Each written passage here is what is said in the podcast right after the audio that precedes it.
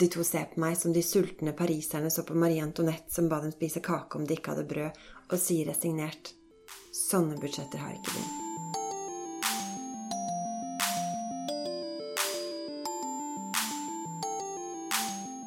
Hei og velkommen til Sykepleiens podkast. Liv Bjørnhaug Johansen er sykepleier ved nevromuskulær sengepost ved Drammen sykehus, og fast spaltist i Sykepleien med spalten Liv laga, som du her får høre i podkastversjonen. Denne episoden heter Trumf. Vi står inne på et pasientrom fullt av utstyr, de to fra hjemmesykepleien og meg. En langligger skal hjem, og jeg har gitt hjemmesykepleierne opplæring i alt og nytt utstyr og prosedyrer.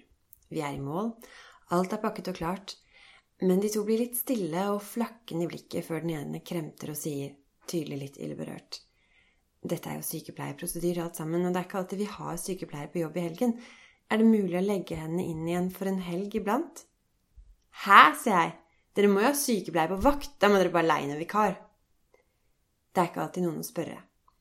Bruk vikarbyrå, da, sier jeg, og de to ser på meg som de sultne pariserne så på Marie Antoinette som ba dem spise kake om de ikke hadde brød, og sier resignert Sånne budsjetter har ikke vi. Da jeg var liten, spilte jeg kort hos farfar. Vi spilte amerikaner. Farfar var stø som et fjell. Han meldte dristig og hadde alltid masse trumf.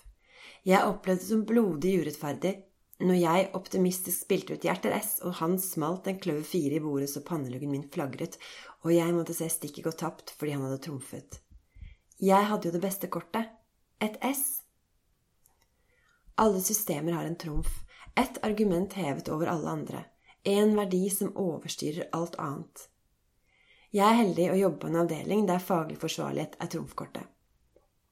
Selv om økonomien er presset hos oss som hos alle andre, bemanner vi opp når vi trenger det. Vi får det utstyret vi syns vi må ha for å gjøre en god jobb. Vi bestiller dyre undersøkelser og medisiner uten å nøle, og vi hyrer inn fastvakt til urolige pasienter dag og natt om vi må, og sender ingen hjem før det er forsvarlig. Så får heller tallene bli røde iblant. Men det er ikke sånn overalt. Når en nattevakt i kommunen alene har ansvar for tre sykehjemsavdelinger, er ikke faglig forsvarlighet som er trumf. Når pårørende må få opplæring i stellatrakeostomi fordi kommunen ikke tar seg råd til å leie inn helgevikar når den ene hjemmesykepleieren er syk, er det økonomien som har blitt trumfkortet.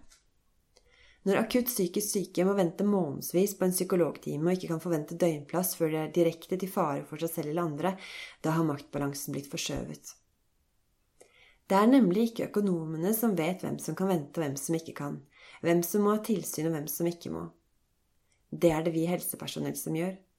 Derfor er det vi som skal kunne smelle faglig forsvarlighet i bordet, og de som skal sitte igjen med blanke øyne og se S-ene sine tape for våre firere. Det var Liv Bjørnhaug Johansen med sin faste spalte Liv laga.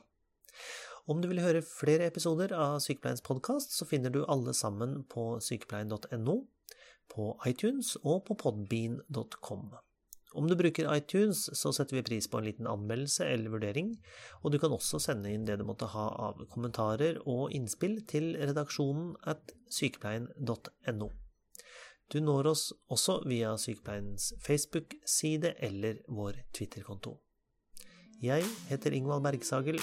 Vi høres.